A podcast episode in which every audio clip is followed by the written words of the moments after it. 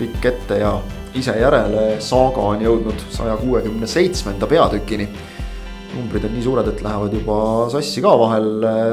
teeme täna jällegi saadet üllatus-üllatus jalgpallist, Eesti jalgpallist, maailma jalgpallist ka ennekõike vaatame Inglismaa poole, sest et mujal liigades hakkavad asjad juba selgeks saama või on suisa saanudki ja Euroopa klubisarjades suured finaalid, millest rääkida ootavad alles ees. aga Eestis on meil rääkida nii karikavõistlustest kui ka eh, liigamängudest, on rääkida ka ühest erilisest sõprusmängust. ja noh, eks eh, nagu tänapäeval kombeks, siis jaurame natukene kohtunike üle ka eh, kuna peatoimetaja Kaspar Elissaar hoolitseb selle eest, et meie kõik äh, praegu öösel rahulikult magada saaksime ja tegeleb äh, vist mingi siili otsimine toimub, ma saan aru. siil tuleb, ma nägin suurt plakatit kuskil, pesakond sai tasuta reklaami jälle. et äh, siis, siis täna oleme sellises koosseisus, et minu nimi jätkuvalt Kristjan Jaak Kangur, lisaks on siin stuudios ka Kris Ilves. tere. ja Ott Järvela kellel tekkis millegipärast pool minutit tagasi vastu pandamatu soov pühendada tänane saade kahe tuhande kümnenda aasta MM-finaalturniiri esimese värava löönud Lõuna-Aafrika Vabariigi jalgpallurile Sipive Tšabalalale, sellepärast et tal on nii äge nimi. ja see on hea selline impulss, ütleme mm. -hmm. E, toredaid nimesid on. see oli ilus värav ka. no, no kuule, no see oli legendvärav, see tants, mis sellele järgnes. ja see oli selline ehe Aafrika. jah, aga vaata, praegu on paaris aasta peaks hakkama kuu aja pärast finaalturniir, aga ei hakka. Sellepärast mm on tänavu sügisel, et selles mõttes natukene nagu äh, bioloogiline kell on, on häiritud, oleme ausad. bioloogiline kell nagu... minul ütleb küll, et kui on paarise aasta juunikuu, siis tuleb finaalturniir, no ei ole. Ja üldse on ju nagu kuidagi nihkes, et, et noh, kuidas, et, et alles meil ju oli EM, eks ole, mis MM-ist me nüüd kohe järgmisel aastal räägime ja üldse on nagu paigast ära kõik asjad, et. Äh, küll loksuvad paika, ei ole hullu. Äh, enne kui me nende maailma suurte nimede juurde läheme, siis äh, Eestis karikavõistlustel lõpuks ometigi katse kolm oli edukas ja said äh, Narva Trans ja Nõmme Kalju ära mängitud. Evald Tipneri karikafinalist sel hooajal teine neist on Nõmme Kalju, Paide linnameeskond oli juba selge. ja noh, tegelikult oli selge ka see, et ükskõik kumb teisest poolfinaalist finaali läheb, siis mäng käib seal igal juhul eurokohale ja eurorahadele aga äh, vaadates äh, tänavust hooaega, siis äh, noh, ma meelega siin praegu juba keerutan, et nagu mängust ei taha rääkida, sest et mängust väga palju ei olnudki rääkida, täpselt nagu esimene karika poolfinaal oli väga võimaluste vaene. Flora ja Paide vahel, siis samasugune oli ka teine ehk tüüpilised karikamängud. natukene sõna otseses mõttes nagu värvikamaks ja värvilisemaks teise poolfinaali muutsid kaks punast kaarti üks Transile, teine Kaljule. Äh, aga, aga noh, no räägime siis ikkagi mängust ka, lähme siis nagu selle juurde, et äh, mida see finaal tähendab, aga. aga kaks punast ja võib vist küll öelda, et mõlemad õiged. Äh, mängu algul Aleksandr Koževnikovile Transi poolt ja siis, kui tundus, et nüüd on nagu kõik Kalju käes, siis Kalju otsustas, et teeme asja huvitavamaks ja German Schlein võttis ka punase, nii et vist paarkümmend minutit, kui, kui sedagi sai Kalju olla arvulises ülekaalus aga, aga seal nagu vaielda ei olnud, mõlemad olid ikkagi nagu selged ja noh, ütleme ka nagu mõnes mõttes nagu rumalad punased, et noh. oli, oli selge, et kui sa niimoodi sisse lendad vastasele, siis punane tuleb. selle, nende punaste juures on kõige huvitavam äh, asjaolu minu arust see, et enne esimest äh, ehk siis Koževnikovi punast kaarti oli seal võib-olla kaks minutit umbes Kristo Tohver kutsus, oli seal ka mingisugune rüse, rüselemine, siis jättis Kristo Tohver äh, minu arust jättis kaardid taskusse ja kutsus mõlema meeskonna kaptenid enda juurde ja ja rääkis ära ka, kuule, meil on veerand tundi või midagi sellist on mängitud, et kuule, et võtame rahulikult, et äh, pikk mäng on ees ja. selgelt näitas kella peale, et noh, rahu nüüd. jah, ja siis läks natuke mööda ja Koževnikov lihtsalt lendas, reaalselt võttis hoogu, hüppas ja lendas korgid ees, siis tundus, et oli korgid ees. ei no seal oli see, et kõige parem märk selle kohta, et see oli nagu ülikindel punane, see, et Transi mehed ei protesteerinud üldse. Kui Schlein sai just null täiesti. Ja, ja Trans, kes on alati emotsionaalne sellistes asjades. see on, see on alati väga kindel nagu äh, vihje, et, et otsus on õige. Ja Kalju punane kaart, mis German Schleinilt, et see on natukene noh, ta on natukene, tähendab selles mõttes, et vastase suhtes ohtlik mäng ja tõsine viga, see on nagu sarnane, aga erines ta olukord siis sellest, et tõesti Schlein küll mängis palli. aga noh, see on nüüd see näide, kus sa nagu palli mängid niimoodi, jah, et sa ikkagi nupud sees panid teisele mehele hüppeliigesesse jõuga siis see palli mängimine ei vabanda ja, ja samamoodi täiesti selge punane kaart, et seal tegelikult ei olnud midagi vaielda kummagi otsuse puhul. ega seal minu meelest ka Kalju mängijad ja, ja noh, treeneri pink nagu, sa vaidled noh, nagu emotsionaalselt, sest see on sulle ebameeldiv sündmus. inertsist ja mis on loomulik, mis on loomulik, mis on normaalne, et noh, sa ei taha, et nii oleks. aga, aga ega seal nagu tegelikult pretensioone ei olnud. Ja, ja Transi treenerite pingilt tuli nagu ka väga hea sõnum peatreenerilt Aleksei Remenkolt, vist oli ta. kas ta oli Kalju mängijate või Kalju pingi poole, aga, aga noh, rohkem nagu selline, selline üleüldine tõdemus. et eh, nii nagu esimeses olukorras oli punane kaart, nii oli ka teine olukord punane kaart, et sarnased olukorrad ja eks nad tegelikult suuresti olid ka. kui, kui Kalju oleks selle mängu kaotanud, ma arvan, et siis me räägiks sellest Sleini punasest kaardist rohkem. kindlasti, kindlasti, kindlasti. et, eh, et kuidas sa sellises olukorras eh, meeskonna sul on üks mees väljakul rohkem ja siis sa saad veerand tundi või palju see umbes ja, oli. ja, ja sa mängid kohe olukorra võrdseks tagasi, seis oli ka null-null ju. ja noh, ebaolulises olukorras ka, et ma saan aru, kui sa nagu võtad viimase mehena, eks ole, maha ründaja või midagi sellist, et on vaja või, või ei tea, blokeerid väravajoonelt löögi käega, et noh. juhtub, aga keskväljal nagu täiesti ebaoluline viga, aga no ütleme, Šleinil läks õnneks ja noh, mõnes mõttes läks ka Koževnikovil õnneks, et, et see tema punane kaart niivõrd palju mängu ei mõjutanud. aga vähemalt minule tundus, et, et mis seda mängu kõige rohkem mõjutas, oli see, et äh, Trans ja Kalju sel hooajal on äh, ühes plaanis erinevatest kaalukategooriatest, ma julgeksin isegi nii öelda. ja see kaalukategooria on pingi sügavus ja pikkus et kui Kalju sai tuua sisse veel lõpus Pavel Marini, kes on siin olnud vigastusega väljas, haigusega vabandust, väljas ja.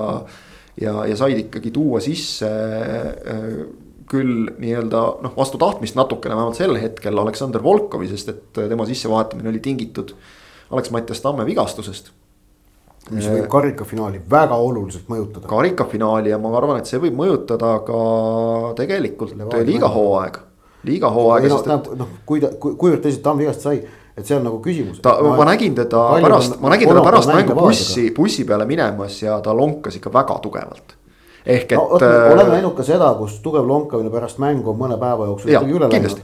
aga noh, võtame see, et esiteks on Kaljul sel nädalal nüüd ju kaks mängu, kolmapäeval Levadia, laupäeval karikafinaal ja.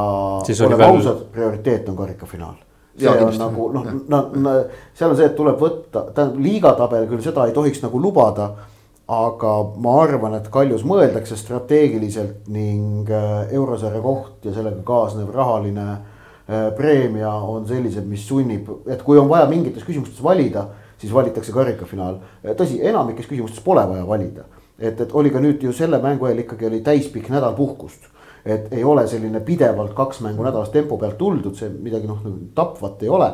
aga noh, näiteks vigastuste või väikeste vigastuste puhul jah, Kalju peab hakkama valikuid tegema sel nädalal jah, et, et kui, kui, kui oleks võib-olla nagu võimalus Tamm noh, kuidagi kasvõi vahetusmängijana nagu kokku lappida mõnekümneks minutiks Levadia mänguks või siis see variant, et karikafinaalis äkki ta saaks jälle alustada, noh siis kindlasti teda Levadia mängus hoitakse, et, et ja, see, selles võib küll üsna kindel olla Kaljul on see selles mõttes see võimalus, et äh, nüüd ka tulid vahetusmehed, tuli. juba vaheajal Igor Subbotin sisse teiseks poolajaks ja tuli siis ka Tamme asemel Aleksandr Volkov. ja Subbotini tsenderdusest, väga heast tsenderdusest Subbotin sai minu meelest üle päris pika aja mängida äärel, mis, kus ta on ju tegelikult noh, aastaid tegutsenud. ja välismaal ka. Subbotinil ei ole kaitseliinist ülevalpool positsiooni, kus ta ei oleks mänginud päris palju. ja, aga viimasel ajal ta on olnud ikkagi noh, pigem nagu keskpool. enne Tšehhi minekut oli Levadios tipuründaja, väga edukas kusjuures. võimeid tal ju on, eks ole, et, et tal on noh, Eesti liiga mõistes ka piisavalt hea tehnika, pikkust, jõudu, füüsist, kõike nagu jagub, et. selles mõttes treeneri jaoks hea mängija, et, et et äh, kui isegi mõelda Kalju peale, siis on kaks sellist universaali, üks on Babitšev. kolm isegi võib-olla ka Andrei Markovitši peale mõelda, et selles mõttes Edi Cardossol on päris hästi. aga, aga see, et äh, Volkov selle värava lõi, see on nii Volkovile endale kui ka Kaljule tähtis, arvestades seda, et me ei tea, mis seisus on Alex-Mattias Tamm, et ja, see, see, et just Volkov selle lõi, ma arvan, et see on äh, nii meeskonnale kui mängijale endale väga oluline. ja Volkovil oli eelmine hooaeg tegelikult noh, kui Kaljule ei olnud hea hooaeg, siis Volkovil oli, et, et sel hooajal on ta rohkem olnud varumehe rollis, kuna tamm on olnud hea, aga noh, nagu ikka sisemine konkurents tiivustab ja usun ka, et Volkovile see oli. see oli selline mõnus positiivne energiasüst ka just nagu vaimses plaanis aga, aga jah, Transil ei olnud äh, pingilt ikkagi peaaegu kedagi võtta, seal olid ainult noored poisid ja, ja eks ta natuke sinna taha jäi ka, et äh, viimaseks paarikümneks minutiks. Transi rünnakud noh vajusid ära, et lõpusurvet üritati tekitada, seal üks selline poolšanss tekkis.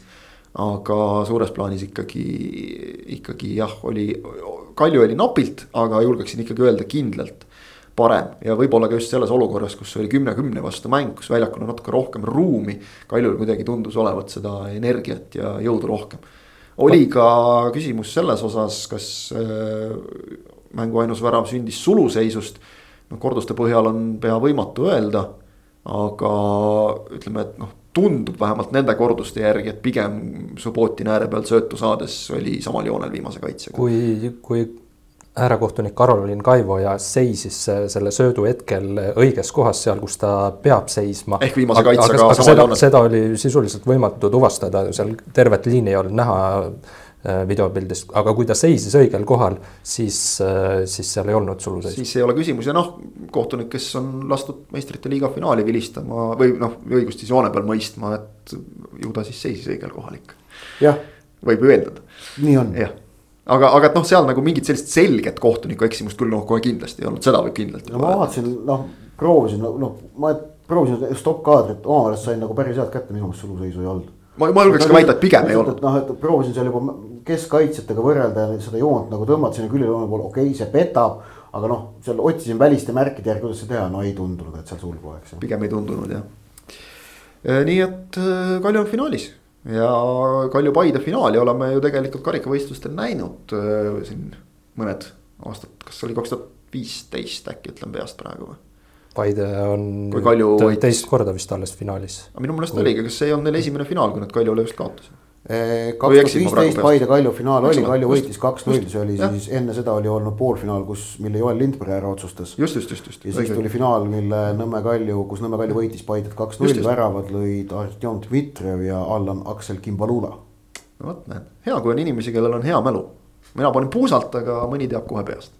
noh, vahest on, on niimoodi jah. vahel on niimoodi jah see on tore, aga kellele nüüd eelist anda selle finaali ja mina ütlen küll täitsa ausalt, et nagu on Soome, Soome legendid öelnud, siis ihan fifty-sixty, kuidas läheb. muidugi, see noh, tähendab Paide ja Kalju ju, eks nad olegi võrdsed võistkonnad suures plaanis, mingid nüansid ja, ja selle mängu otsustavadki nüansid. üks asi, mis seda mängu kindlasti mõjutab, on A Le Coq Arena väljak pärast eilset äh, Levadia-Paide mängu Marko Savic tõi välja, et sellel väljakul oligi keeruline palli valdavat äh, jalgpalli mängida, eriti olukorras, kus, äh, kui vastane teeb kõrget intensiivset pressi, siis on, muudab see eriti keeruliseks. ja, ja noh, eeldusel või arvates, et ei Paide ega Kalju kavatse nüüd, jätavad selle endale meelde ja, ja selle nähtu ja rakendavad seda ka omavahelises mängus siis äh, ma usun, et see laupäevane karikafinaal võib iseloomu poolest üpriski sarnaneda eilsele Paide Levadia mängule. vähe võimalusi, palju võitlust.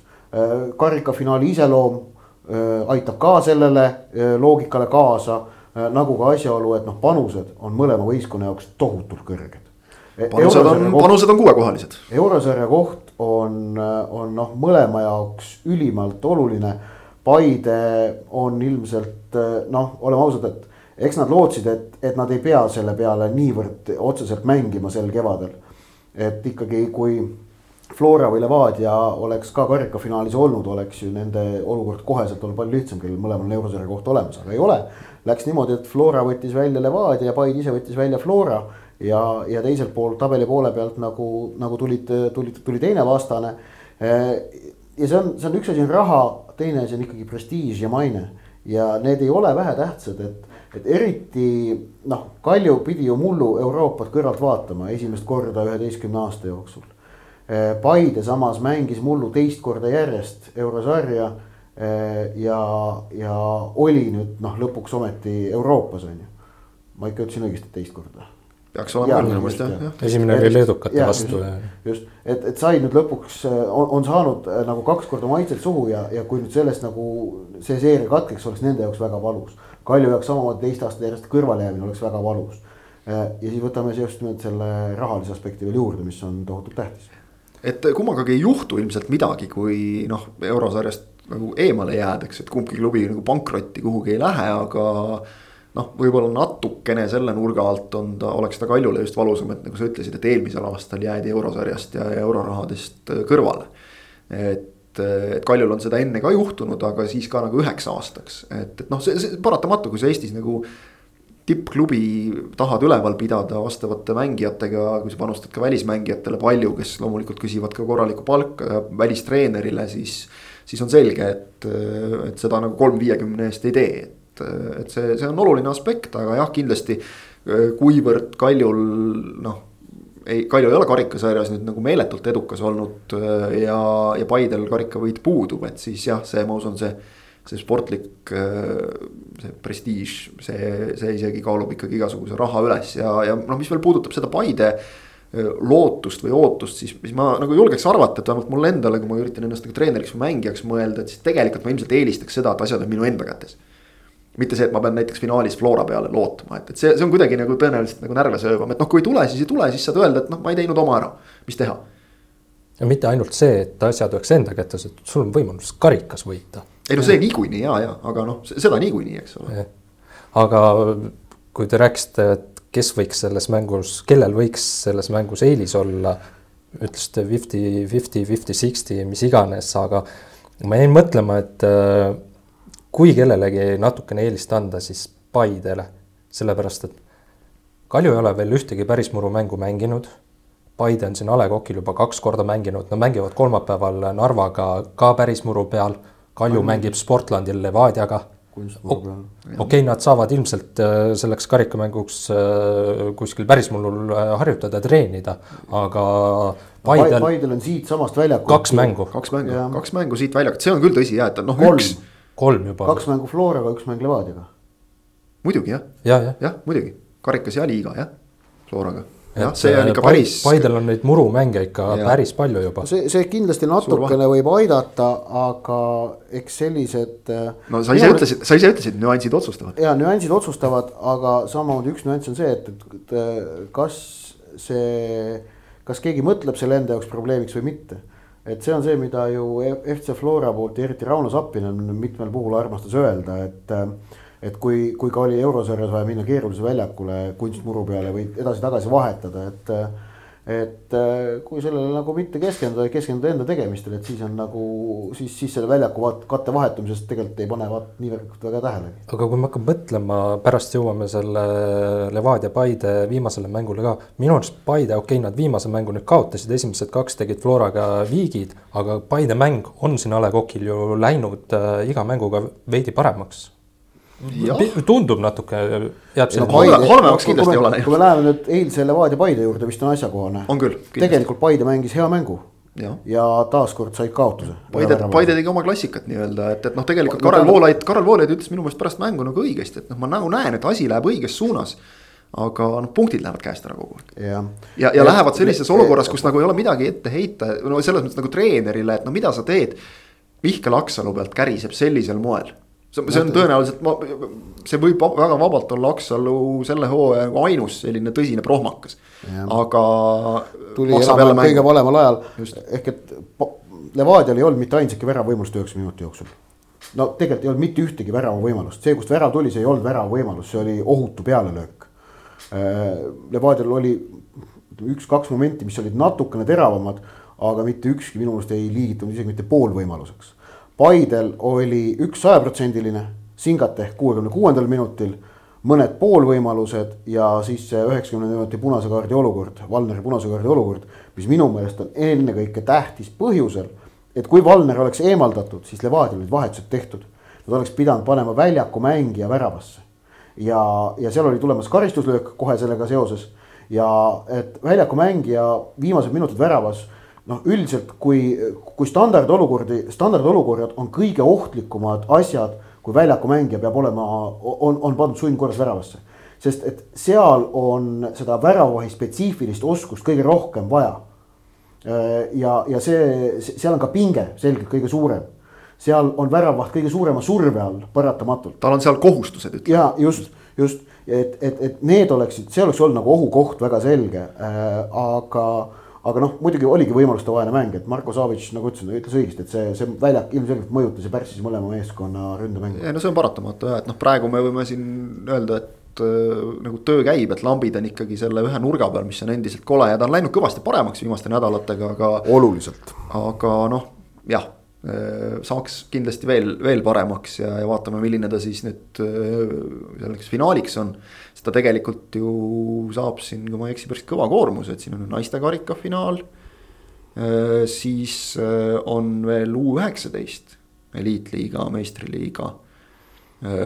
endiselt väga kaunis, mõnusalt lühike suupärane nimetus seda mängitakse siin ja karikafinaal ka veel, nii et. mingid äh, madalaliiga satsid tulevad veel penaltid ka siia lööma. ja seda ka veel jah, et ma jah, noh. tegelikult või? ei, see, ei ma sain aru, et kas ainult finaal või poolfinaalid või midagi, muidu no, tehakse Sportlandil muidu see turniir. aga noh, see jah, siin õnneks üks nagu väljaku ots on selline, kus nagu annab äh, lüüa, et.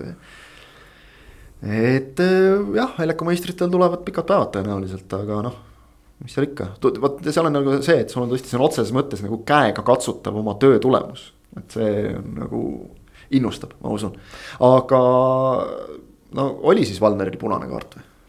pigem minu nagu, meelest, pigem nagu oli vist ikka. minu meelest selle olukorra puhul on see, et kui seda vaadata videos, siis on, siis ta tundub rohkem kollane aga stopp-kaadrid on need, mis näitavad ära, miks see minu meelest oli punane kaart. sa mõtled just videos siis nagu reaalajas nii-öelda reaal,? jah, jah, et kui sa vaatad niimoodi reaalkiirusel, siis nagu tundub nagu pigem kollane, et noh, et nagu kaitsjad ju katavad ja värki. aga tegelikult sel hetkel, kui Singateh maha võetakse, ei kata veel kaitsjad seda väravat üldse ning kuigi pall tundub, et on tol hetkel temast kaugel, siis tuleta meelde, et ilma veata, mille jaoks ta pidi juba paratamatult ka natukene hoogu maha võtma oleks ta kaks sammu kaugemal. ehk et pall vägagi juures ja temaga ühel joonel oleks, maksimaalselt ühel joonel oleks Maximiliano Udje nurk. ei ole lai, aga ei ole ka terav, midagi sellist noh, normaalset ja sealt oleks tal ikkagi noh. et nüüd ongi ta, küsimus. ta oleks, ta oleks mina, ütleme hea esimene puude ja tal on, tal on vormistamise küsimus. nüüd ongi ja, see küsimus, et mis on ilmselge värava võimalus, eks ole. no minu meelest see ikkagi oli, et, et et kui see pall, kui see pall oleks läinud nurgalipu suunas, aga ta ei läinud, pall liikus karistusala küljejoonega paralleelselt. ja Singatech on äh, väga osav, tehniliselt äh, väga osav mängija ka, et. ja, äh, ja päris kiire ka, et noh, tema jaoks kaks sammu on natukene teised asjad. kohtunik arvesse ei võta kuivõrd kiire või osav see mängija on, et noh. ei peagi võtma. jah, aga, aga minu meelest see pigem oli punase kaardi koht. aga ma ise hakkasin mõtlema Valneri vaatenurgast seda olukorda ja. mängis õigesti. ma, ma ka ei leia ühtegi asja, et mis ta seal oleks valesti teinud. aitage meen,, aidake meenutada, palju, mitmes minut oli, kuskil üheksakümmend ja teades, et mäng on. sa pead, sa pead punase võtnud, jah ja., see oleks olnud õige punane. sellega ma olen nõus, jah. ja, jah, ja siis ma oleks tahtnud näha Markus Jürgensoni seda karistuslööki kaitsmas see oleks olnud äh,, ma arvan, et, ma arvan, et oleks läinud äh, Udže äkki vist. kas, kas, kas Udže ei ole kunagi mingis Kalju aegadel ei läinud väravasse kunagi? ma võin valesti mäletada. praegu ei meenu. praegu ei meenu küll, meil on väga harva Eestis juhtunud seda, et väljaku mängija peab väravasse minema, aga. ei vist mul ei löö praegu ette. aga ma pakun, et Udže oleks üks variant olnud, et sa paned äh, ja nüüd noh, loogika on see, et, et just nimelt ka selle standardite puhul sa paned mehe, kes nende standardite puhul noh, ja Uji on, Uji on noh, enam peaaegu kõige kartmatum vend seal üldse on ju kes lihtsalt suudaks ennast natukenegi kehtestada. ei no Uche teeks kohe selle klassikalise värava või see, et noh, põlv ette ja lähed seal on nagu hea rahulik, aga jah, see huvitav küsimus, et võib-olla ma ei tea, kas Levadias on see läbi mõeldud, et, et nüüd on nagu tuletati meelde, et peaks äkki selle ka kuskil paberi peale kirja panema, nii nagu, nagu penaltilööjatest on mingi nimekiri ikkagi tavaliselt on olemas. sel puhul ma, ma tuletan viis. veel kord meelde, et kunagi, kui Murillo oli veel Madridi Reali peatreener, siis ta rääkis, et äh, kas see oli vist kord kahe nädala jooksul äh,, kolm väljakumängijat tegid ühe trenni väravvahtide grupiga, üks oli Sergio Ramos, ma ei mäleta, kes kaks ülejäänut oli. ütles, et põhjus on see, et ma tahan, et mul oleks noh, sisuliselt alati väljakul olemas mängija, kes on mingil määral väravvahi tööks valmistatud. kui tekib vajadus ta väravasse panna, toona oli veel kolme vahetuse reegel ka ehk et noh, oli, oli erinevaid stsenaariume, mis võis juhtuda noh. et, et vahetusi oli vähem, ma mõtlen seda mm et see oli, Morini rääkis seda veel reaali aegadel, et see nagu. profivärk, eks ole, et kõigeks pead valmis olema. pluss ma lihtsalt kujutan nagu ette, et see annab nagu mängijatele ju ka, kasvõi noh, kaitsjatele, kes noh, enamasti on need kaitsjad, kes sinna väravasse lähevad. et see annab ju sulle mingi teistsuguse arusaama ka nagu väravavahitöö nüanssidest, et see, see parandab ka sellist tavaolukorras mm. koostööd natukene. ja kui seal oleks väljaku mängija oleks väravasse läinud, siis Frolov ei oleks kindlasti seda, seda lööki niimoodi teinud, nagu ta tegi. Läks seda ristnurka või tagumist nurka otsima. raami, raami, raamidesse. ükskõik kuidas raami ja siis vaatab edasi jah, mis saab. On palju viimasel ajal olnud juttu, mida ma juba siin enne ka viitasin, et, et noh, oli pärast seda Transkalju mängu on olnud ka siin muudes olukordades juttu sellest kohtunikutööst Eestis et on selle, sellega siis nüüd ikkagi nagu nii halvasti või? mis seal Transkalju mängu puhul siis no,? Transkalju puhul oli seesama see suluseisu olukord no,, eks, noh, see on emotsioon, eks ole, see on selles mõttes ja kui seda nagu piisavalt minu osavalt, piisavalt osavalt väljendada, eks ole, et, et noh, kohtunik ja. minu meelest nagu ei näinud asja, siis, siis on see okei okay., aga et, et kui nüüd läheb nagu asi selle peale nagu siin ühes äh, populaarses saates, kus ikkagi põrutati nagu otse, et, äh, et, et Eesti ma kohtunikud nagu liiga teevad kellelegi, on kellegi poolt, et noh, siis me jõuame vist, meil on vist Santose case number kaks nagu õhus. ja tähendab, Marko Savitsi suhtes peab jalgpalliliit algatama distsiplinaarmenetluse, muidu nad naeravad iseenda üle ja teevad sohki. arvestades seda, mis nagu tõi kaasa kui, Santosele kui, või õigemini, vabandust, oleme siis täpselt Tartu Tammekale, Santos sai nagu moomitud. ei no Santose sõnavõtt oli see, et ta süüdistas ju kohtunike erapoole, poolikuses. ja Marko Savits tegi sedasama selles Kuulbeti saates Äh, kui ta ütles, et kohtunikud on institutsionaalselt nende vastu. see on, see on täpselt sama asi, selle pealt peab tulema distsiplinaarmenetlus, peab tulema karistus Marko Savicile, seal ei ole minu meelest kahtepidi mõtlemist jalgpalliliit muidu, kui, nad hakkavad sealt nagu retoorikaga proovivad ennast kuidagi välja keerutada, see oleks naeruväärne, ma arvan, et ei tehta ka seda. siin ei tohiks ju olla mitte mingit vahet ka selles, et nagu Santos ütles mängujärgses intervjuus ja see oli nüüd seal selles saates, et, et see on. no see on, vabandust, tegemist on Eesti meistri poolt, Eesti Jalgpalliliidu suursponsori poolt, Eesti meistrist tehtava dokumentaalsarjaga. see on vägagi jalgpalliline kontekst. Marko Savic ei öelnud seda pühapäeva hommikul saates Hommik Anuga on ju noh huvitav, kui ta seal ütleks, kui ta seal ütleks ka siis oleks ju tegelikult avalik. jah, ta on seal, kui ta on FC Levadia peatreener seal, siis, siis, siis oleks ka see minu arust case. et, et kui et, ütleme, et kui Marko ütleb seda noh, kuskil õllelauas ja seda paljud inimesed juhtuvad pealt kuulma, siis on see noh, eraeluline nii-öelda. aga kui ütleb Marko Savic, Levadia peatreener, siis. Seal ei ole mingit küsimust. nagu jah vot aga, aga noh, eilse selle Paide, Levadia Paide vile kohta, siis ma arvan, et Karel Voolaid ütles hästi, et. et ähm, tavaliselt olen ma tehnilises alas pigem rahulik, mis vastab tõele. aga täna oli see loogiline reaktsioon, mis minust välja tuli ja ta oli siis kohtumise lõpus seal päris tige mitmes olukorras. ja, ja nii oligi, noh, tegelikult, tegelikult ta ütles minu arust väga õigesti ja täpselt. et noh, eriti piltlik näide oli veel see üheksakümne neljandal minutil, kui Robbie Saarma võidab õhuduelli, Rasmus Peetson lendab talle siis sisse ja siis viga ei järgne, sest karistuslöök kahekümne kahelt, kolmelt meetrilt Levadia vastu oli kohtunike jaoks ebameeldiv otsus. see oleks lähemaltki olnud minu meelest veel, see no. oli päris kastijoone tagant, et äh, igatahes noh, väga lubavast. kakskümmend meetrit noh. jah, paarkümmend meetrit. et, et noh, oli, oli eile selline, ei olnud õnnestunud vile jah. loeks ühe kauni, ühe kauni lause veel ette, et äh, viimasel minutil ja üleajal sai näha, miks võõrustajate halastamatu kohtunike töötlemise stiil nii platsil kui selle kõrval ja ka mängude vahelisel ajal on efektiivne.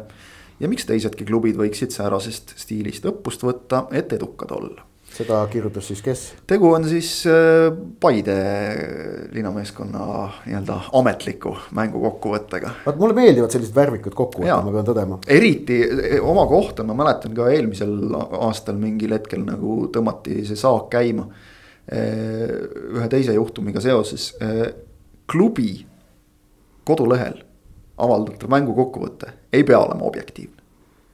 see võib väga vabalt olla subjektiivne, mõned, mõneti ta isegi nagu peab olema subjektiivne, sest ta on suunatud, mõistuse piires loomulikult. sest ta on suunatud öö, eh, oma klubile ja, ja ta, ta on paratamatult subjektiivne juba selle tõttu, et noh. kirjeldatakse, mida, mida meie omad tegid, mitte seda, mida vastased tegid. minu reportaažid on ka subjektiivsed, need on minu arvamus mängust jah, paratamatult. mina panen sinna oma nime alla ja see on minu arvamus mängust, minu nägemus, see, kuidas mina neid olukordi nägin ja et noh, et objektiivne.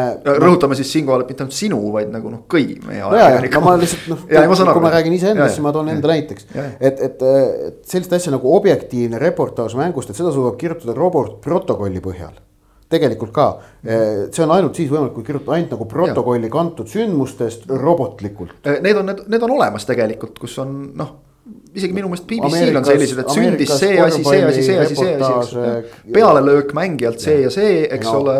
USA meedia kasutab juba ju roboteid, mis korvpalli kohtumise protokolli põhjal kirjutavad reportaaži valmis. Aga seal on puudub ka jah, igasugune emotsioon, igasugune isiklik nüanss. isegi mitte USA meedia, Eestis on toonud äh, minu isiklikku nagu spordisõnavarasse äh, suurepärase täienduse. korvpall seda, seda rakendab väga palju, sest noh, seal on väga raske, eks ole kirjutada asju, kogu aeg sünnib midagi, jalgpallis on see natukene lihtsam. keegi hüpitab pallikorvi, see on üks mu lemmikväljendeid, mis on kuidagi automaattõlkega tulnud seal. aga, aga et jah, seal on see olemas, see, see on see, millest me räägime, see on selline sajaprotsendiliselt objektiivne. jah, aga muidu on iga reportaaž on subjektiivne, sellepärast et noh, igaüks näeb jalgpallimängu ju erinevalt, see on, see on parat-, see, see, see on igal pool maailmas samamoodi. Äh, ja see, see on ka põhjus, miks neid reportaaže üldse loetakse, et objektiivset reportaaži ei loegi mitte keegi, sest see on väga igav. et tuleb lugeda subjektiivselt, sa tahad teada, mida need inimesed, kes on sellest mängust arvama pandud, sellest mängust arvavad, et noh, et äh, niimoodi toimib jalgpalliajakirjandus üle terve maailma ja, ja on toiminud väga pikki aegu. et miks juba noh, no vot toome, toome Inglismaa näiteks, et miks nagu ajalehe reportaažid olid seal, jalgpallimängude reportaažid olid pühapäevaste ajalehtede üks, üks peamisi põhjuseid. miks pühapäevaseid lehti alguses ostma hakati, et see, see on nagu väga otseselt seotud. ja kui lugeja arvates on, on mängu kajastanud ajakirjanik loll ja ei saanud mängust räägin, aru, siis ja, on tal selleks täielik õigus. ma räägin see ajast mingi noh, sada ja rohkem aastat ja, tagasi, et pühapäevased lehed tekkisid sellepärast, et oli laupäevased jalg, oli laupäevane jalgpall, millest kirjutada. jah selles Levadia Paide mängus veel noh, see selge viide, isegi mitte vihje nagu, selge viide sellele, et, et Levadiale kui noh, ise välja öeldud nagu emotsionaalsele meeskonnale ma ei tea, kas meeldib kohtunikke töödelda, aga noh, nad teevad seda nagu päris palju või ma ei tea, kohtunike töötlemine kõlab alati nagu kuidagi jube negatiivselt, aga, aga noh, see on nagu pigem selline fakt lihtsalt, et, et see on kohtunike töötlemine kindlasti no,, kui see nagu iga olukorra järel. tänapäeva jalgpallis see käib juba Just. mängu juurde. mõned teevad seda rohkem, mõned vähem. et ma just mõtlen, et kas Levadia ja, kuidagi nagu sellega nagu paistab nüüd nagu Eesti liigas tõesti nagu nii tohutult silma. Levadia paistab samamoodi silma, nagu sellega paistis eriti intensiivselt äh, kaks tuhat kümme, üksteist silma ka Nõmme Kalju, eriti kaks tuhat üksteist kui nad, äh, kui nad pidasid võitlust äh, Floraga, mille nad kaotasid toona tiitlivõitluse ja no kaks tuhat üksteist käis tohutu retooriline sõda, kus, kus Nõmme Kalju süüdistas ju kohtunikke kõikvõimalikes surmapattudes, kuidas nemad on, nende vastu kõiki otsuseid tehakse. ja, ja noh, ma mäletan, ma toona kirjutasin ka paar, paar lugu sellest kõigest, et oli, oli väga laetud teema. oli väga laetud teema, muuhulgas kasutasin väljendit, meie noortekogu kommenteerib teid äh, kuskil siniseks või midagi sellist. no ühesõnaga noh, oli, oli, oli toona väga selge äh, soov saada mingi äh, noh, luua endale eelis. ma väidan, et Kaljul toona see pigem ei õnnestunud, kindlasti ei õnnestunud Kaljul see toona niivõrd hästi, nagu see on praegu õnnestunud Levadial. kes teist hooaega järjest naudib äh, selgelt olukorda, kus viiskümmend, viiskümmend olukordades otsustatakse nende kasuks väljakul. nii lihtsalt on, neid näiteid on liiga palju ja see ei ole juhus ja, ja nad on suutnud tekitada säärase fooni ja, ja see toimib ja see toob neile kasu just, et võib-olla see Kalju võrdlus on nagu selles mõttes hea, et, et Kalju on ka noh, mitu korda erinevate treenerite käe all harrastanud seda, et, et noh. meeskonna ütleme motiveerimist sellega nagu ka, et, et noh, kõik on meie vastu. ja, ja samas on see viinud nad ka tiitlini. on viinud ja, nüüd Levadia eelmisel hooajal tiitlini. minu meelest vaata kaks tuhat kaksteist, kui nad meistriks tulid, siis, siis enam seda asja ei olnud väga E, ja teine asi, et kaks tuhat kaheksateist, kui Sergei Frantseviga meistriks tuldi, siis mingit kohtunikega. ei kohtunike, ma ei pea silmas isegi kohtunike all, aga ma mõtlen just seda, et nagu sellist üleüldist kuidagi selle fooni loomist nagu, et, et noh, me. mingi võitlus ülejäänud maailma vastu mm. -hmm. et seda, seda oli siis küll märgata, aga samas see ongi see, et see viis tiitlini siis see viis nüüd eelmisel hooajal tiitlini Levadia, noh, miks nad peaksid sellest loobuma, kui see neile eelmisel hooajal edu tõi. Et noh, ütleme värvi lisab see nagu igal juhul, et, et kui ta nüüd nagu üle, üle piiri ei lähe, see on kõige tähtsam. et natukene noh, nagu siin tuli ka, eks ole, Miguel Santose väljaütlemise järel välja, et noh, umbes. ma poleks päris nii öelnud, kui ma oleksin teadnud, et kõik Eesti kohtunikud ei ole professionaalid et noh, noh, noh ja see, sellest juba siin ükskord rääkisime, miks, miks ta, ta, teda polnud briifitud. aga kohtunikest veel rääkides, siis muidugi, kes natukene nüüd vaatab tähelepanelikumalt äh, nimekirju, kes premium-liigat sel hooajal on vilistanud. siis no ilmselgelt käib kohtunikel päris jõuline põlvkonnavahetus. äh,. on, on tulnud äh, premium-liigasse mitmeid uusi nimesid, noori kohtunikke, kes teevad oma kas esimest või teist hooaega kõrgliiga tasemel ja noh, see on, see on. teine asi, mis mul silma torkab, mul see, et, et seda ringi, kes premium-liigat laiendab, on proovitud laiendada. et, et see nimede hulk on natukene suurem, kui ta minu meelest on varem olnud. ja need on muidugi mõistlikud sammud ja, ja noh, selle pealt noh, tähendab ja, kuna me praegu näeme mitmeid uusi nimesid premium-liigas, siis ma arvan, et noh, selle, sellega on paratamatult kaasnevad ka teatud kasvuraskused mida me sel hooajal oleme ka näinud. nüüd lisame siia juurde veel asjaolu, et äh, Sokkerneti rubriik videokohtunik on, on nagu võtnud selle äh, eraldi veel luubi ja fookuse alla, siis see kõik tingibki selle, miks meil on kohtunike töö sel hooajal niivõrd suure tähelepanu all aga kindlasti on mingi iva ka selles, et kui meil liiga on muutunud üha professionaalsemaks ja ta on. et on siin küll probleeme ja vajakajäämisi, siis ta ikkagi on muutunud professionaalsemaks. siis äh, mida professionaalsem on liiga, seda enam on vaja äh, ka kohtunikel, noh, seda suuremad on nõudmised kohtunikele. ma ei ole kindel, kas nagu täisprofessionaalsed kohtunikud Eesti kõrgliigas on see, on see kõige õigem tee sellepärast, et äh, palju, see võib, see võib tegelikult mõjuda niimoodi, et mitmed lootustanud kohtunikud tegelikult jäävad kõrvale, kuna nad ei soovi ohverdada oma muud karjääri mul on tunne, me oleme piisavalt väikene riik, et me peaksime ikkagi rääkima poolprofessionaalsetest kohtunikest, see tundub, et, et, kes soovib täie kohaga pühenduda, et sellele oleks nagu mingite variantide kaudu see võimalik meil võiks neid täisprofessionaalseid olla rohkem lihtsalt no,. No aga, aga see et, eesmärk, et kõik see, peaksid olema, see ja, nagu ei tundu reaalne. sinna suunas tegelikult on, on, on ju loodud ka siin kohtunikele selliseid noh, ütleme poole või, või koma mingi kohalisi töökohti, mida mõned kohtunikud praegu täidavad Eesti jalgpalli sees et nad, et nad saaksid olla rohkem selle kohtuniku asja sees aga, aga nõuda seda, et kõik Eesti äh, Premiumi kohtunikud täisprofessionaalid oleksid, ma arvan, et see ei ole mõistlik. sellega, see tegelikult äh, mõjub vile kvaliteedile, mõjub selles mõttes kehvasti, et mitmed, äh, kes pass taseme poolest passiksid, seetõttu lihtsalt ei ole nõus muud karjääri jätma, jääksid kõrvale. võib-olla see on natukene nagu mängijatega et noh, me võime rääkida nagu täisprofiliigast ja kõigest, eks ole, aga meil on siin ka just neid, kes, no? just, kes käivad tööl, kes õpivad, ütleme, kui meil nagu noh, Kuressaarele antakse käsk. Kuressaare ongi võib-olla kõige parem näide, antakse käsk, et noh, nüüd peavad kõik olema täisprofimängijad. trenn on iga hommiku kell kümme. just, jätke oma kõik muu töö kõrvale, siis me kaotaksime päris palju päris väärt mängumehi, eks ole. ja ka teistes võistkondades või kui sulle öeldakse noh, näiteks see, et unusta ära oma ülikool, et nüüd mängid jalgpalli. väga paljud loobuksid et see, see lihtsalt. niigi on neid loobujaid juba olnud palju, eks ole. kas noh, noh tõenäosus, et mingil hetkel see olukord muutub. ja meil on noh, ütleme nii, et kaheksakümmend kuni üheksakümmend protsenti neist, keda, keda, kellel võimed lubavad, teevadki otsuse pühenduda jalgpallile täielikult. kas me jõuame mingil hetkel selleni, ma ei noh, võib-olla jõuame, aga ma pigem arvan, et täitsa lõpu, lõpuni ei jõuagi, me oleme liiga väike riik selle jaoks. kas see on nagu eesmärk, mida vägisi püüda? Kas see nagu noh, annab nii palju abi, et äh, varr ilmselt noh, oleks tõhus abivahend. aga noh, me teame, see on rahaline küsimus. no seal vaata, sõltub jälle hinnast, et siin nagu tore on kuulda, et andke, et raha peaks tulema siit ja raha peaks tulema sealt, see on nagu Keskerakond. Keskerakonna ja see, see Keskerakonna juhitud valitsused, et noh, et kus raha oli kogu aeg, leiti ja võeti nagu kapist ja ja, ja siis pandi jälle kuskile sisse, aga. jälle kilekotiga tõi ja. jah, aga siis, kui nagu hakati eel, siis, siis kui tuli nagu eelarvet lugeda oskav ähm, peaministri erakond, siis noh, tuli välja, mis olukord tegelikult on, et seda raha tegelikult ei olnud niivõrd väga võtta. et noh, siin Kuno Tehva mingil hetkel räägib, et miks e-, Premiumi klubid ei saa teleraha, et mänge näidatakse, aga teleraha ei saa. aga noh, noh tuletan meelde, et Jalgpalliliit Premiumi liigale paneb ju igal aastal sisse minu teada paar või vähemalt kaks, kui mitte kolm miljonit. on jalgpalliliidu kogu investeering premium-liigasse läbi erinevate variantide. et noh, kui väga on vaja, et oleks teleraha ka, siis võtame sealt mingi raha ära, nimetame selle ümber telerahaks ja anname seda telerahana klubidele on ju. no jalgpalliliit võiks seda teha, eks ole, sel juhul. vahet ei ole, kuidas seda asja nimetad. Premium-liiga praegusel kujul ei tooda mitte mingilgi moel endale tehtavaid kulutusi taha, tagasi. tegemist on jalgpalliliidu jaoks miinusprojektiga, millele makstakse peale kõvasti.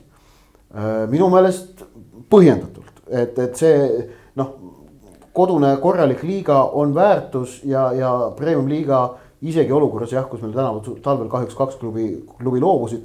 ka, ka praegu me näeme ikkagi noh, premium-liiga tegelikult ta toimib meistrivõistlustena, ta on ja ta on tõusnud selgelt Eesti kõige äh, tugevamaks ja paremini organiseeritud spordiliigaks ja selles ei ole nagu mingit küsimust ähm,.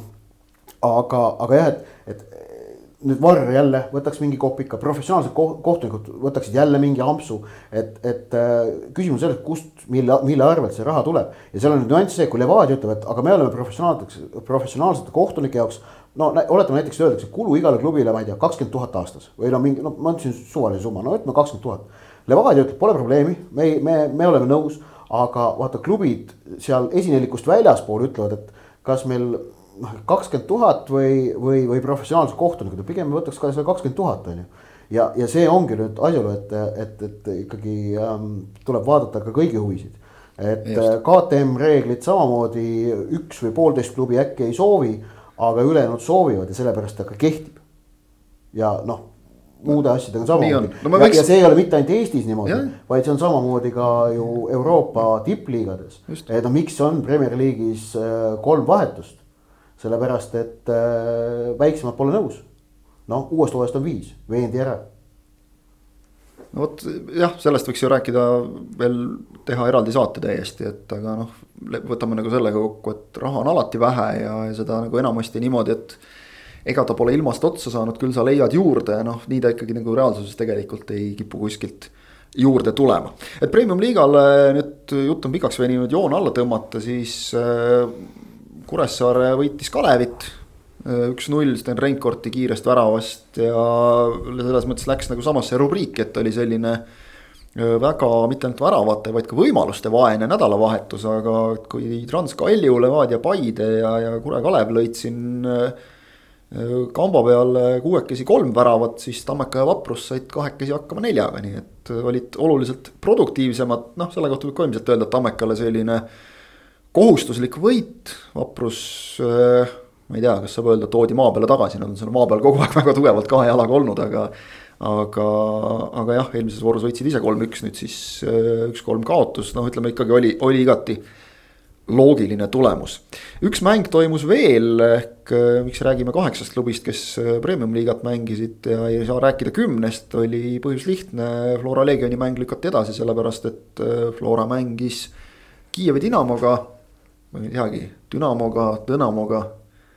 no Kalle Paas kirjutas, et Dõnamo oleks kõige õigem. Dõnamo vist oleks kõige õigem ja, et eks me peame natukene noh. see on Eesti... tervel Eestil, meil hakkab Ukraina nimede ja. osas meil toimub praegu tohutu ümberõppimine ja keegi veel ei ole seda suutnud lõpuni ära teha ja see võtab aega aga tore on see, et ma näen nagu igal pool tohutut entusiasmi selles osas, et kõik tahavad Ukraina-päraselt ja mitte venepäraselt nimesid hääldada, kirjutada ja see on väga hea, see on, on kaunis. meil, meil on ju aastaid äh, omavahel kogu aeg diskussioon just, olnud, et kuidas äh, Ukraina mängijaid, mängijate nimesid kirjutada ja hääldada. ja isegi mitte meil nagu omavahel, vaid. Äh, terves Eesti spordiajakirjanduses. spordiajakirjanduses ja isegi EKI, kes nagu Eesti Keele Instituut, kes üldiselt nagu paneb paika õige keele normid isegi nemad kogu aeg veel uuendavad, muudavad, konsulteerivad, nii et tegelikult öö, otsige netist üles, kui tahate nagu õigesti öelda, siis, siis eki.ee lehelt Äh, juba leiate päris palju juhiseid ja, ja minu teada noh, see veel uuendatakse, täiendatakse, nüüd on meil.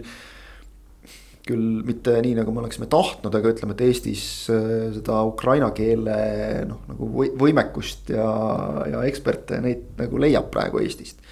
et, et saab nagu otseallikaga rääkida, et kuidas siis tegelikult olema peab, aga meeskond äh, ma ei tea, Kiievist noh, tegelikult nagu Euroopast, sest et nad on siin mööda Euroopat tuuritanud ja Tallinnas siis panid lõpuks punkti sellele mängule. sõitis ootamatult kindlalt, arvestades seda, et suur hulk põhitegijaid oli juba Ukraina koondise juures koondise mängudeks valmistumas. Florast üle, et nagu ma ei tea, kas saab öelda, et nagu mängu ei olnud, noh mängu ikka oli, aga eks ta oli natukene imelik selline sõprusmäng ka, aga, aga Flora tuli nagu kuidagi, ma ei tea, nagu liiga sõbralikult mängima seda ja, ja, ja seal olid ikkagi paljuski sellised. noh, mitte nagu öeldud, öeldi ka, et koolipoisid, noh, päris nii ei olnud, see on ikkagi Kiievi Dinamo järelkasvu, suur osa järelkasvust. meistri, jah just, ja, ja, see on, see, see on meistrite liiga klubi tase, kus sul ka vahetusmehed just. on. et, e, et nad olid küll noored. ei teki äralangemist. Nad olid küll noored, aga nad olid nagu ikkagi tugevad. kas seesama põlvkond sealt äh, Ukraina noortest, kas nad hiljuti kuskil maailmameistrivõistlustel, kas võitsidki kuldmedali või kuskil päris kõrgel olid ja nüüd on nad. Äh, Ukraina on. ja, ja enamik neist ongi Kiievi Dõnamo siis, Dõnamo nii-öelda nagu noortesüsteemist kasvanud. et, et seal, seal nagu jah, üle kuidagi üleolevalt suhtuda nagu vastasesse ei maksa, aga aga Flora oli hambutu, ma ütleks ennekõike. no Jürgen Henn seda ka ütles, et meeskondlik esitus oligi kehvapoolne. noh, tõsi oli see muidugi, Vassiljevit ei olnud, Zenjovi ei olnud, Allik oli pingil tegelikult vigane, teda ei olnud ja oleme ausad, noh, vaatame veel mingeid asju, keskkaitses Marko Lipp tegi täismängu, aga Tamm ja Pürg mängisid pooleks et, et seal tehti teatud kindlaid eh, noh, tagasiandmisi teatud positsioonidel. ja noh, selge on see, et Floral see ärakukkumine on järsem, kui see on, kui see on Tõnamol. mis on noh, jällegi, et üks on meistrite liiga alagrupi turniiri püsikülaline, teine mullu jõudis esimest korda eurosarjas alagruppi. see on nagu noh, natukene loogiline ja, ja nagu öeldud, Flora tegi pigem kehva mängu. Eh, Tõnava mehed olid ja treenerid pärast mängu omadega rahul ja minu meelest kõige paremini see Tõnamo abitreener Kuusjev, Oleg Kuusjev ütles pärast mängu, et meil oli seda tänasel päeval seda võitu oluliselt rohkem vaja, pidades silmas muuhulgas ka seda, et noh, publiku seas ju ülekaalus olid Ukraina Uk,, Ukraina klubi fännid või toetajad, noh siin praegu, praegu Eestis. see, see ei olnud Flora kodumäng. see ei olnud jah, see ei olnud Flora kodumäng. ta ei pidanudki olema, kedagi see ei häirinud, kõik said aru, miks see niimoodi on. ja aga, aga noh, kui see, kui see, see, see Tõnamo kapten, kes nagu pressikonverentsil nagu küsin, et et sa nägid noh, et, et siin on sportlik pool ja emotsionaalne pool, et kuidas need sinu peas nagu toimuvad. ta hakkas nutma selle küsimuse peale. see oli nagu, see oli ootamatu minu jaoks, ma, ma, ma millegipärast arvasin, et nagu noh, spordimehena. et, et, et see sportlik nagu, kuidas öelda, et see spordimehe motoorika läheb tööle, tuleb mingi vastus, on ju. aga talle tegelikult läks see niivõrd väga hinge. Tal oli näha, et kogu see mäng oli talle hinge läinud, kõik see, mis toimus tribüünidel, kuidas pärast noh, John Lennoni Imagine kõlas siin võistkonnad koostöö kuulasid ja ta hakkaski nutma ja, ja see oli, see oli, see oli mõnes mõttes äkki vaata, et minu isiklikust vaatest äkki selle õhtu üks kaunemaid hetki. see, see oli nagu, südamlik, see oli niivõrd siiras. et ta ja, on, ta on nagu ühelt poolt valus, aga ilus ka. jah, jah. et no ja siis teist, teistpidi ilus oli muidugi see Flora fännide tifo, et noh, see, see on legend, see, see, see läheb Eesti jalgpalli kullavaramusse. et seal kindlasti kindlasti oli ka neid, kes nagu natuke nagu pead vangutasid, et noh, mäng rahu nimel ja see nüüd nagu selline. plagu nagu selline rahužest ei olnud, aga vot see on täpselt see, et noh, mäng ja õhtu oli nagu rahu nimel ja ilusama tuleviku nimel, mida me kõik loodame. aga seda, mis praegu endiselt tegelikult toimub, et seda tuleb ka teinekord nagu hästi konkreetselt ja, ja selgelt meelde tuletada ja noh, see plagu seda eesmärki täitis ja, ja noh, kuna seal pandi ka väga osavalt nagu büroo seal kõrval käima, nii et selle esimese poole sellest sõnumist eks selle B-tähega roppuse selle varjas see suits väga ilusti ära, nii et kõik oli okei okay, nagu. Selge muidugi see, et kui oleks tegemist ametliku kohtumisega UEFA egiidi all peetava mänguga, siis äh, noh, e, e, ma arvan, et kui see plagu lahti tehtaks, siis oleks delegaat käskinud mängu katkestada. kui, kui seda poleks ära koristatud. E, noh, et see on nagu asjade reaalne seis, et ilmselt oleks, oleks siis seis läinud niimoodi. no võib-olla poleks käskinud, trahvi oleks kindlasti saanud nõnda edasi. et aga, aga, aga jah, see ei olnud ametlik mäng ja siin oli see igati asjakohane polnud nagu kedagi, kes oleks olnud trahvimas üldse yeah.. et siin nagu staadionil küll kedagi ei leidunud, kes oleks nagu mõelnudki üldse selle peale vist, et tuleks nüüd trahvi teha selle eest.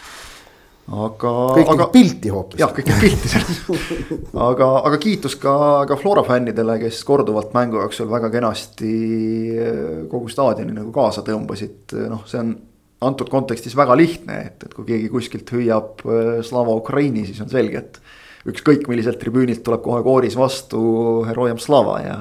ja ongi hea selline õhkkond kohe loodud. aga ma sain aru, et ma ise staadionil ei olnud, aga kui see plagu lahti tõmmati, siis tuli Ukrain-, kohapeal olnud ukrainlastelt tuli aplaus ja. mürisev aplaus ütleks selle kohta. jaa, tuli ja. küll jah. Et, et see oli jah, et kui, kui nagu vot see ongi nüüd see, et võime rääkida poliitkorrektsusest ja millest iganes, aga et noh, kui neile sobis, siis peab sobima ka teistele. no ma pakun, et noh, Putini huiloo laulu me kuuleme, tegelikult me oleme eelmised kaheksa aastat seda kuulnud vahelduva eduga, aga me kuuleme järgmistel aastatel Euroopa jalgpalliväljakutel Eh, eriti siin äh, Ida-Euroopa ja, ja, ja Kesk-Euroopa riikides seda eriti palju. Ja jäämegi kuulama veel mõnda aega saate formaalse juhina pean siit paluma siiski, et ilma ropusteta edaspidi, et räägime huviloost ainult. aga lähme edasi ka natukene, me oleme juba päris pikalt rääkinud kõigest sellest, mis on Eestis toimunud, välismaal on toimunud ka. välismaal kõige suurem mäng võib-olla vähemalt mõne meelest oli, oli nädalavahetusel Inglismaa karikafinaal. Liverpoolil on nüüd siis äh, neljast kaks olemas, ma ei tea, kas võib öelda, et neist nagu need kaks, mida oli kõige kergem võita. ehk Inglismaa liigakarikas ja nüüd ka Inglismaa karikas. Äh, Chelsea'ga seekord äh, miljonit penaltit vaja ei läinud, aga, aga noh, oli, oli ka just selline täpselt karikamäng, nagu rääkisime Eestis, et vähe võimalusi ja ja kõike muud, aga, aga penaltitega ikkagi lõpuks pandi Chelsea jälle selili. ja no Liverpool, see penaltseeria osas võib ju rääkida siia-sinna, aga aga, aga noh, sai kätte ja sai kätte ja no minu arust no võluv on ikkagi see stsenaarium, kuidas Steven Gerrardil on lõpuks ometi võimalik Liverpoolist Inglismaa meister teha. ehk et tal on vaja Manchester City'ga, olles Aston Villa peatreener, viimases voorus vältida kaotust ja siis, kui Liverpool oma kaks alles jäänud mängu võidab, ongi Liverpool Inglismaa meister. ja, ja see on nendel nendest neljast, oleme ausad, kõige keerulisem. Neil on nelikvõit jätkuvalt võimalik, nad peavad tulema meistriks veel sel nädalal ja järgmine nädal võitma meistrite liiga finaalis Reali. ja oleks noh, see täiesti, täiesti, see oleks täiesti pöörane, kui võimas saavutus see nelikvõit oleks. see, see on täiesti kirjeldamatult pöörane saavutus. aga mulle vähemalt sellest karikafinaalist jäi selline mulje, et need äh, äh mängijad ei mõelnud äh, võib-olla sellele nelikvõidule nii palju, võib-olla nad mõtles või noh, nad ei mõelnud, nad teavad, et nad, äh, neil on Inglismaa meistritiitlit on tegelikult, see tol hetkel oli raskem saada kui, kui ja. nüüd.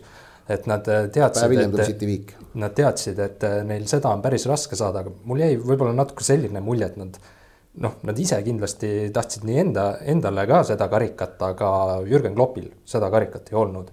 võib-olla see, mulle vähemalt tundus, et see mängijate peas käis ka mingil määral läbi no ma arvan, et seal tegelikult ei olnud seda, et üks tahtis rohkem, et ega, ega Chelsea'l oli ka väga palju põhjuseid seda, seda, seda vägagi tahta, noh, seal oli Rüdigeril noh, sisuline ja võib-olla Kaspar Keetali on minek klubist. Eh, noh, seda, seda meeskonda kõik teavad, ootab ees, suvel ootavad ees ümberkorraldused. Ehm, noh, kõik, kõik Abramovitšiga on sel klubil jätkuvalt noh, väga eriline suhe, ütleme niimoodi, ma arvan, see on kõige täpsem sõna. et, et see kõik, see kõik oli ka Chelsea jaoks, aga lihtsalt oli kaks väga head võistkonda mängisid ja, ja psühholoogilises lahingus oli, oli, oli Liverpool sutsukene parem. kuigi noh, ühe, ühe vea, mille minu arust Liverpool tegi, oli see, et Sadio Mane panna viiendaks lööjaks koondise kaaslase vastu, miks? see on, see on paratamatu, nad, nad, nad raudselt ju Aafrika meistrivõistlustel treenisid penaltid võistkonnaga, raudselt ma, ma vaatasin seda otsepildist seda mängu ja kui Sadio Mane läks seda lööma, siis mul tuli kohe Frolov meelde. Neil on päris okeid lööjad, kui üks välja arvata, ma arv-, ma, ma, millegipärast arvasin, et ta eksib.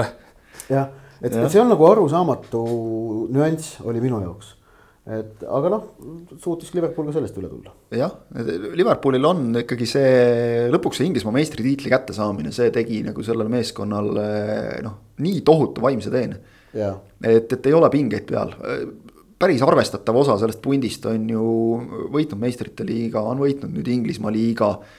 ja, ja noh, ikkagi see nagu sellele liigatiitli võitmise survele vastupidamine terve hooaja, eriti nagu sellise ju väga keerulise hooaja lõikes mm. -hmm. see, see, see on kuidagi ikkagi noh, selle, selle meeskonna enesekindlus on, on laes ja mul oli selline tunne natukene mängu vaadates, ei saanud seda küll vaadata ka täies pikkuses algusest lõpuni, aga veidike hüplikult, aga. aga Liverpool, mõlemad tahtsid, aga Chelsea'l oli ka nagu väga hädasti vaja. Liverpooli hooaeg, noh, ma ütleks isegi kui nad ei tule Inglismaa meistriks ja kui Real võidab meistrite liiga, ma ütleks, et Liverpool on ikkagi teinud õnnestunud hooaja. see no,, kuidas nad on mänginud. nüüd, kui nad selle karika kätte said. no nüüd kindlasti, aga et, et kuidagi nagu seda noh. Ei olnud nagu Liverpooli mängus ikkagi sellist noh, nagu Chelsea oli nagu natukene ikkagi pinges, et, et noh, me hirmsasti, hirmsasti tahame. Liverpool oli see, et minu meelest nagu rohkem seda, et, et noh, me mängime nii hästi, kui me suudame ja noh, küll siis tuleb ka karikas, see eneseusk. Mm.. küll siis tuleb ka võit. kuidagi see, see vahe nagu natukene oli, oli sees, aga nüüd on jah seis selline, et kuna City suutis ennast panna väga raskesse seisu, siis teha selle vähem raskeks. Äh, ehk ikkagi kõik on enda kätes, ehk äh, jäid nad West Hami vastu null-kaks taha, sealt mängisid kaks-kahe välja. küll Riyad Mahrez eksis penaltil lõpus, äh, mis oleks ikkagi tiitli noh, üsna selgelt veel mitte matemaatiliselt, aga sisuliselt ikkagi juba ilmselt andnud City kätte. see jäi sisse löömata, aga nüüd on praegu seis selline, et Cityl on üheksakümmend, Liverpoolil kaheksakümmend kuus punkti. Liverpool mängib homme Southamptoniga ja nagu sa ütlesid. viimases voorus Woolsiga, kellel kummalgi ei ole midagi püüda eurosarja kohta. Woolsil ei ole ilmselgelt ammu enam midagi püüda. Woolsil ei olnud praegu ka ju. No, oli, jah. oli City mängis Woolsiga praegu? City mängis Woolsiga nüüd nädalavahetusel jah, või tähendab nädala sees. West Hamiga, West Hamiga. ei, Woolsiga mängisid nädala sees ja, ja, ja seal Wools tegelikult. siis veel nagu... oli Woolsil püüda, aga nüüd enam Woolsil ei ole. seda küll, jah. West Evertoni puhul. küll, West Ham läheb Man Unitedist veel mööda, nii et äh, opsas saadi rallalla. selleks ei ole mitte midagi erilist vaja, seal on vaja ise võita, mis on tehtav ja eeldada, et Manchester United kaotab viimase mängu või isegi, isegi viik. sest Manchester Unitedi väravate vahe on niivõrd kohutav lihtsalt. pluss üks vist hetkel. et, et noh, et Manchester United ei võida ja noh, seda eeldada nüüd nagu siin hooaja lõpu pealt, see on ju kukesupp. ehk no. siis võitlus käib Euroopa liiga koha peale. konverentsi, kes iganes selle konverentsi liiga nagu ideega esimest korda välja tuli, see istub praegu pöidlad peos, on suurim äh, Äh, suurim West Hami fänn, sellepärast et äh, Manchester United konverentsi liigas, noh, see tõmbab sellele sarjale nii palju tähelepanu. et vägev, aga, aga... Saade, saade lõpetada millegi ilusaga ja kuna West Hami peale jutuga läksime, siis soovitan ja. otsida üles äh, videod. kuidas, esiteks, kuidas Mark Noble andis äh, äh, lahkumiskõne West Ham, West Hami viimase kodumängu järel, intervjuu temaga keset väljakut kaheksateist aastat klubis mänginud võistkonna kapten lõpetab karjääri. ja teiseks tema intervjuu Sky Sportsile, mille ta andis selles samas Piruka baaris, kus ta viisteist aastat varem kahekümne aastase poisiklutina oli ka andnud samale saatejuhile intervjuu, intervjuu on antud samas Piruka baaris sama laua taga. Menüü on mõlemal sama ehk et intervjueerija ports on kaks korda suurem kui Nobli oma ja seda serveerib neile täpselt sama ettekandja kah veel. ja see on, see see on nii ilus ja see on, see on klassikaline ja see, vot see on jalgpalli hing. see on jalgpalli ja. hing, on sellised hetked, sellised lood. Mark Noble, ta ei ole kunagi tulnud Inglismaa meistriks, ta ei ole eurosarjades midagi võitnud aga ta läheb, läheb praegu erru noh, täieliku legendina, keda pühapäeval terve Inglismaa tegelikult imetles ja nägi seda kõike. sellepärast, et see jalgpallikultuur seal on niivõrd võimas, mitmekeheline, et suudab toota selliseid lugusid ja selliseid mängijaid ja see on vahva. Mister West Ham vist, see Just. Mister, see ja too on, on see, mismoodi pöördutakse nende mängijate poole tavaliselt ja, ja noh, oleme ausad, Nobli-suguseid ei ole liiga palju enam jäänud, kes, kes karjääris nii pikalt suudaksid mängida ühes ja, ja samas klubis ja sealt eh, ikkagi ka suhteliselt mängija kohta küpses eas veel noh, nagu mängumehena. sirge seljaga erru minna, et eh, see on kaunis.